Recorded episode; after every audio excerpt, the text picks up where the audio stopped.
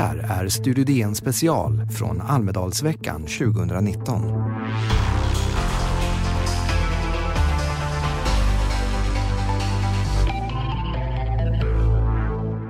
Välkomna till Studio DN, Dagens Nyheters partiledarintervjuer i Almedalen 2019. Och idag möter vi partiledaren som Tog över Moderaterna i oktober 2017. och leder ett parti som både flippat och floppat under det gångna året beroende på vem man frågar.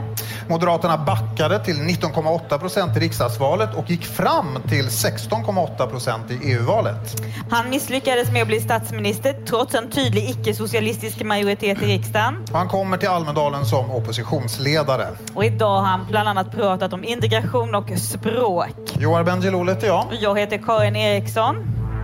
Välkommen Ulf Tack så Kristersson. mycket. Tack så mycket. Vad var ditt viktigaste budskap ikväll? Du har ju hållit tal här nu i Almedalen. Nej, Det var dels att vi har alltså, riktigt stora integrationsproblem som vi helt enkelt måste ta tag i och jag försökte visa hur man skulle kunna göra det, både på kort sikt men också på lite längre sikt. Det var det ena. Och det andra var att försöka säga att det skulle kunna bli så bra i Sverige. Om vi bara tar oss samman, samlar ihop oss och, och- och går från ord till handling så är det väldigt mycket som skulle kunna bli väldigt bra. Men det blir inte det av sig själv. Ett av de integrationspolitiska förslagen jag har eh, presenterat idag som har fått en del kritik, det handlar om begränsningar av tolkhjälp för människor som har kommit till Sverige som invandrare. Du talar om vikten av en genomtänkt politik ofta. Hur har ni tänkt kring riskerna kring att språkförbistring i sjukvården kan få hemska konsekvenser? Vi har börjat med att konstatera vilka risker finns det med om människor aldrig lär sig svenska? Och jag tycker de riskerna är rätt uppenbara. Det finns jättemånga exempel på människor som har bott här i både 10 och 20 år och som inte talar svenska nästan överhuvudtaget.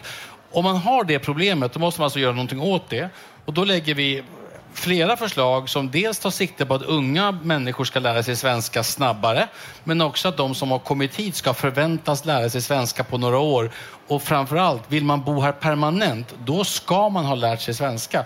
Och då kan ju inte samhället skicka signalen, om du inte lär dig svenska, då är det lika bra. Och då tänker vi ha tolkhjälp hela livet. Ja, men alltså vad ni vill med förslaget är ju uppenbart. Ni vill skicka en signal om att svenskan är viktig om man bor i Sverige. Men hur har ni värderat de här värdena som står mot varandra? Risken att människor kan komma till skada om de inte kan göra sig förstådda Vi har värderat dem så här att för alla kommer det ta ett tag. Det kan ta flera år och det är också helt rimligt. Men det kan inte ta 20 år för ganska många.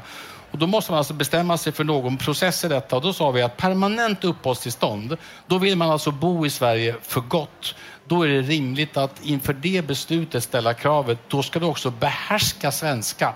Sen kommer det alltid finnas skäl till undantag ibland. Om man kanske klarar väldigt många situationer men någon alldeles unik situation klarar man inte, då ska man inte vara knusslig. Men den här idén att man kan vara i Sverige år efter år efter år, inte tala svenska och svenska staten bjuder på tolkhjälp, det är en felaktig Menar idé. du att människor som är dödligt sjuka och inte talar svenska och har permanent uppehållstillstånd, att man kan tänka sig någon slags undantag där? Som så sagt, inte det, är klart att det finns alltid skäl till enstaka undantag. Det har vi andra situationer också när människor inte kan följa de grundläggande regelverk som gäller för de flesta människor. Men grundregeln kan inte vara att Sverige satsar jättemycket på hemspråk men inte lär unga barn svenska ordentligt och att man har tolk hur länge som helst. Det kan inte vara grundregeln i Sverige. Moderaternas valanalys från riksdagsvalet den slår ju fast att det är viktigt att Moderaterna har sakfrågor som är tydliga. Om man lyssnar på dig ikväll så är integration väldigt mycket den frågan. Varför är det så? Jag, sak, jag tror rent allmänt att politik handlar om sakfrågor. Det kan också ibland handla om filosofi och man diskuterar idéseminarier och sånt. Men för de flesta människor handlar politik om sakfrågor. Hur ser problemet ut? Vad kan man göra åt det? Och vilka kan enas om ett beslut? Och vi var lite envisa i EU-kampanjen och sa vi vill prata sakpolitik. Vad tycker vi och vad kan vi åstadkomma för någonting? Jag tror att det finns en viss mättnad på de här diskussionerna som bara handlar om vem vill vara med vem och hur ser spelet ut och alla de här metafrågorna som man säger. Och lite vanlig hederlig sakpolitik. Och då tycker jag att integrationen integration är ju en sakfråga men det är också ett samlingsnamn för ganska många sakfrågor. Alltså gängkriminaliteten och dåliga skolresultat och hedersproblematiken. Allt det är ju kopplat till dålig integration under ganska många år. Nu har du lett ditt parti genom två val. Eh, vad skulle du ge dig själv för betyg? Du får själv välja skala. Betyg lämnar jag till andra. Jag tycker det har varit väldigt roligt. Jag tycker det har, som det alltid som jag visste, det går upp och det går ner. Jag tycker att en lärdom är att vi är bra på match. När det väl gäller så gör vi bra resultat. Det är också därför jag alltid brukar säga jag tar både bra och dåliga opinionsmätningar med betydande skopa salt. Det är valresultat som räknas på riktigt. Och där har vi, tycker jag, två gånger visat att vi, vi är rätt bra. Och vi trodde ju att betyg var viktigt för en moderat. Men jag tar gärna era betyg och andras betyg, men jag tänkte inte ge betyg till mig själv. Det tänker jag inte göra. Mm. Valanalysen som ni har skrivit, den är väldigt omfattande, läsvärd på många sätt, pekar ut en hel rad intressanta trender och tendenser. Bland annat att Moderaterna, som ju länge har varit ett klassiskt storstadsparti, blivit mer och mer av ett parti också för landsbygdsväljare. Under den här våren så har vi sett en rörelse som kallas för bensinupproret. Du nämnde den också i ditt tal. Hur tolkar du den rörelsen? Jag tolkar den, som jag sa i mitt tal, jag tolkar den delvis förstås som en protest. Och det är ju helt legitimt. Vi protesterar mot alla möjliga saker i svensk demokrati. En protest mot väldigt höga bensinpriser och det drabbar människor som bor på landsbygden och har två bilar för att komma till jobbet mycket, mycket hårdare än den som åker tunnelbana till jobbet i Stockholm. Men jag försökte också beskriva att det finns en underton i detta som inte bara handlar om bensin, som handlar om en upplevelse av att det glider isär att, att det är svårare och svårare och svårare att bo på landsbygden, att service drar sig undan, att, att Stockholm, vad det nu är för någonting, inte riktigt respekterar livet på landsbygden. Det tycker jag, det räcker att åka till min hemstad Strängnäs för att känna det där, det där tonfallet ibland. Och det tar jag på visst allvar, för jag tycker Sverige ska vara ett sammanhållet land. Men det är en känsla du beskriver, ett tonfall. Hur, hur rimligt är den känslan och det tonfallet? Ja, men jag tycker nog att det finns en del fog för den. Det där bensinpriset kanske blir ett övertydligt exempel, men jag har sett i många andra sammanhang. Jag, jag som är jägare så många kan ibland uppleva att eh, de människor som bor mitt inne i innerstan har ganska liten förståelse för livet på landet, där man lever delvis annorlunda. De som är allra mest entusiastiska för jättemånga vargar i Sverige bor absolut inte där vargarna finns. På ganska många områden tycker jag jag märker en sån här eh, en bristande respekt för människor som lever ett liv som inte är så rasande urbant och allra minst Stockholmsmässigt. Var, varför har det blivit så? Det är en mycket bra fråga. Det kan jag inte riktigt svara på. Ett exempel. Vi har ju en ganska stark urbanisering. Jag, jag brukar snarare vända på det och säga varför är det inte tvärtom? Nästan alla vi som då och då bor i storstäder, vi kommer ju från landsbygden och vill testa oss. Så vi borde ju ha med oss i ryggmärgen respekten för landsbygden. Men det är någonting där också i det polariserade samtalsklimatet tycker jag som, som, som är väldigt storstadsdrivet som jag inte gillar. Om vi talar om bensinpriset så mm. skatten på bensin handlar ju mycket om att få ner koldioxidutsläppen och det behöver mm. vi göra. Finns det en målkonflikt mellan att ja. hela Sverige ska leva och att kraftigt minska koldioxidutsläppen? Det, här, det finns målkonflikter. Jag tycker man ska vara ärlig och säga det finns det i massa olika avseenden. Det finns en massa målkonflikter som man inte ska låtsas som att de inte finns. Här är det alldeles uppenbart att om vi bara stängde ner all privatbilism och tog bort alla, all tung trafik, då skulle vi bli av med en tredjedel av Sveriges samlade utsläpp. Men det vore en katastrof för vår industri och det skulle stänga ner hela Sverige utanför kollektivtrafikområdena. Så det går inte.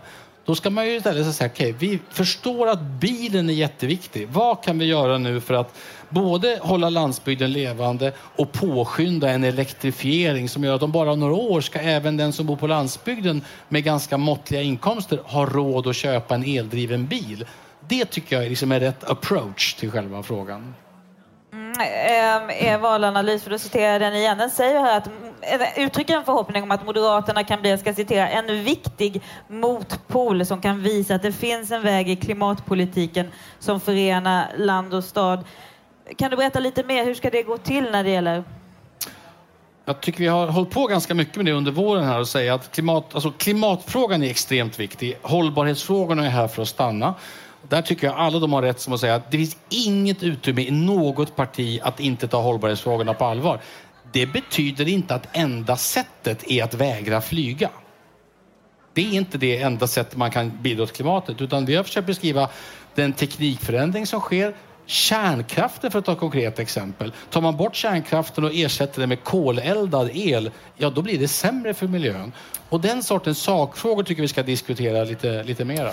Ja, idag har vi ju till exempel läst en intervju i Aftonbladet med riksdagsledamoten Jan Eriksson som eh, säger till exempel att eh, det inte finns något vetenskapligt stöd för att använda ordet klimatkris och att Greta Thunberg har blivit vilseledd av, av vuxna och sådana saker. Jag vet, antar att du har läst den. Vad tänkte du när du läste den? Att han har fel.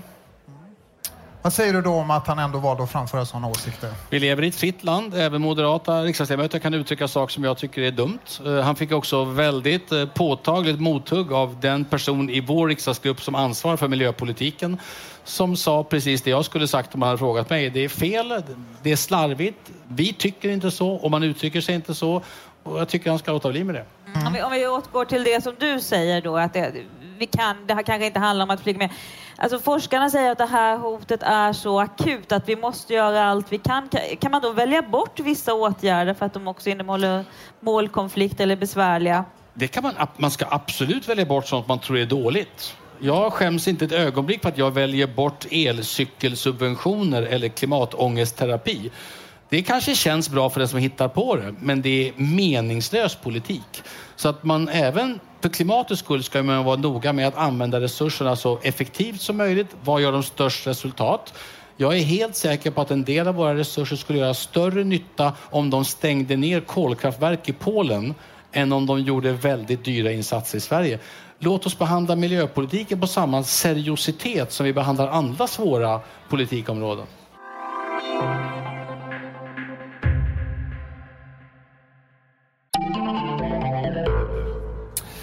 En eh, händelse i svensk politik som eh, det är ju skiftande nu. Det är svårt att orientera sig. Liberalerna har fått en ny partiledare ja. som heter Nyamko mm. Sabuni. Eh, hur påverkar det dynamiken i svensk politik tror du? Det vet inte jag. Det kan bara Liberalerna själva veta. Eh, jag vet bara att jag tycker att Liberalerna eh, har fått en partiledare jag har stor respekt för. Vi har jobbat tillsammans flera gånger förut. Första gången faktiskt för 12 år sedan när jag var socialborgarråd i Stockholm och ansvarade för hedersfrågorna. Det var första gången man gjorde en kartläggning i Sverige faktiskt över hur allvarligt problemet var. Och den enda som visade riktigt stort intresse när alla andra bara ylade om att det var rasism att ens undersöka saken, det var Nyamko Sabuni som då var integrationsminister. Så jag har stor respekt för henne. En av våra gäster här på scenen tidigare när vi talade om ditt tal trodde att det här var det här talet som Nyamko Sabuni skulle vilja hålla på onsdag. Vad säger du om det? Nu skrattar Ulf Kristersson. Jag, kan, jag kan låna ut det. kan låna ut det. Ja, du brukar ju sällan svara på sådana där taktiska frågor. Men tror du att Stefan Löfven kommer att sitta kvar som statsminister till valet 2022? Alltså, åter, jag har ingen aning. Du kan nog bedöma det bättre än jag. Det betvivlar jag. Alltså, om jag får bestämma så skulle vi ha en borgerlig regering som för en borgerlig politik. Och det har vi markerat. Jag tror alla har förstått det. Liksom. Det var själva poängen i förra hösten. Och, och vi gjorde vad vi kunde. Nu vill andra inte det. Det hänger vi inte läpp för, utan då gör vi framtidsinriktade saker och så går vi till val nästa gång med ambitionen att få en bättre regering då. Mm. Men om de andra håller ihop det har jag ingen aning om. Mm. Vad skulle du säga, en fråga vi ställer till alla mm. partiledare, också dig då. Vilka tre andra partier skulle du säga står er närmast i riksdagen idag? Sakpolitiskt är det ingen skillnad. Sakpolitiskt skulle jag säga att det är KD, L och Centern som, om vi samlar de sakpolitiska frågorna, där står vi närmast varandra. Det tycker jag är alldeles uppenbart. Sen gör vi det uppenbart inte maktpolitiskt. Det är väl solklart också. Uh, och, då, och det är ju inte oväsentligt om man ska bilda det. Tittar man landets kommuner, vi styr i 162 kommuner.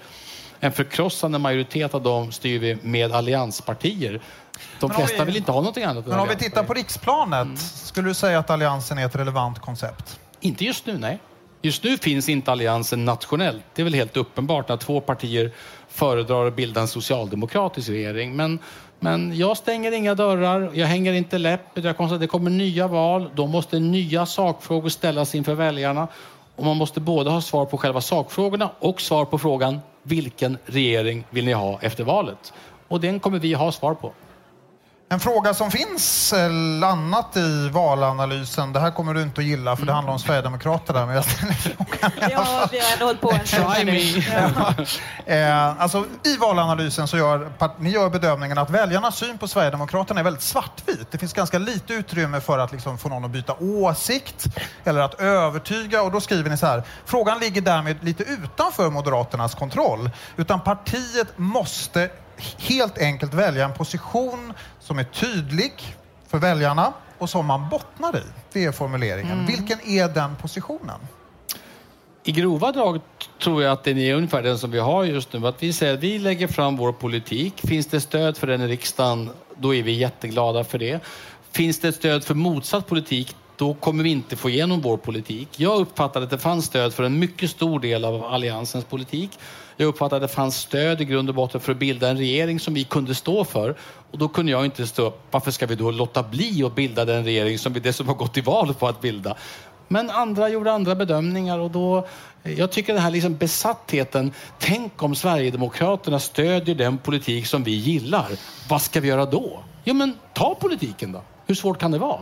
Mm. Det är liksom min grundhållning. Sen finns det säkert liksom enskilda frågor som kan vara jättekomplicerade. Jag har ju länge tyckt att Sverigedemokraternas politik på utrikesområdet, EU, synen på NATO är nästan motsatsen till den politik som, som jag står för. Där skulle jag ha väldigt svårt för att... Ja, vi, vi hade ju partisekreteraren Gunnar Strömmer mm. Han vidhöll ändå att ni förr eller senare behövde lämna besked om det här med kan det bli aktuellt med budgetförhandlingar och behöver vi deras mandat för att uh, få igenom vår budget och den typen av frågor. Eh, att väljarna behövde det beskedet. När i så fall, skulle du säga? Ja, men alltså, vi kommer ju som alla andra inför nästa val behöva ställa, liksom, svara på frågan hur ser ni framför er ett maktalternativ som ni kan ta makten? Och det beror naturligtvis på hur opinionssiffror ser ut och hur andra partier vill. Men i grund och botten är vi klara redan. Vi kommer gå till val nästa gång att söka stöd för att bilda en borgerlig regering med de partier som vill bilda regering på politik som jag också kan stå för. En skillnad mellan mig och Stefan Löfven är att han vill till varje pris bilda regering, även med politik han ogillar.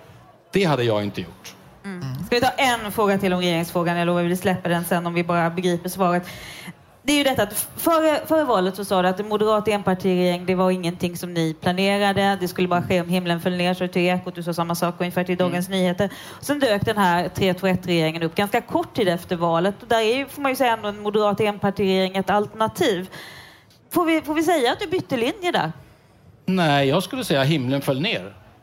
Men det här, att det skulle bli så, hur, hur, hur att Nej, men, den situationen skulle uppstå, hur, hur överraskad kunde man vara av det? När jag stod inför ett alternativ där andra borgerliga partier säger vi tänker inte använda den parlamentariska förutsättningen för att bilda en borgerlig regering utan i princip sa att antingen så ska vi alla gå i frivillig opposition i någon slags nypåhittad decemberöverenskommelse? Eller skulle vi bilda samlingsregering under Socialdemokraterna?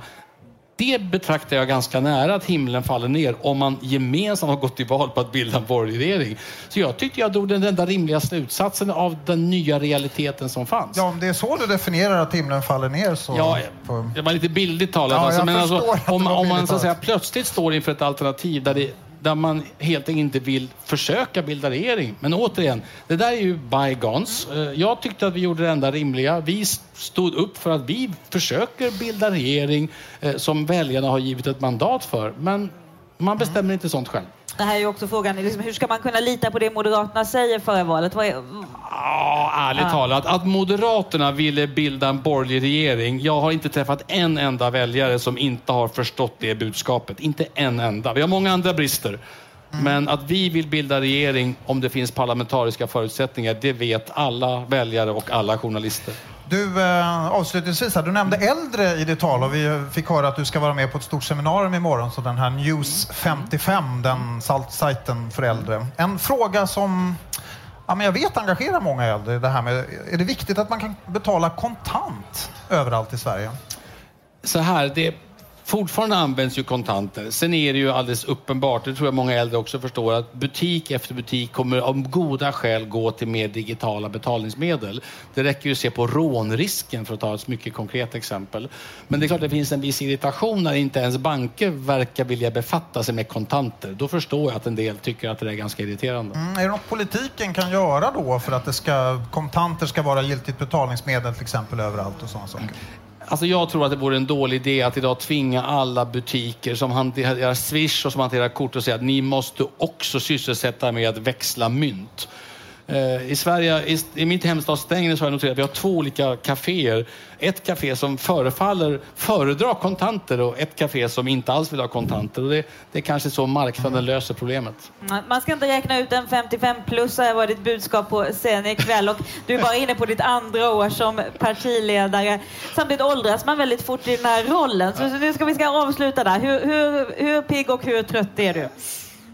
Jag är ganska pigg, men jag, jag var hos en ortoped häromdagen för jag har tyvärr, jag är löpare och har fått en sån här meniskskada på vänster knä. Och då, då sa den förfärliga ortopeden, nej, säkert mycket duktig ortoped, men sa ja, du är ju inte i konfirmandålder längre.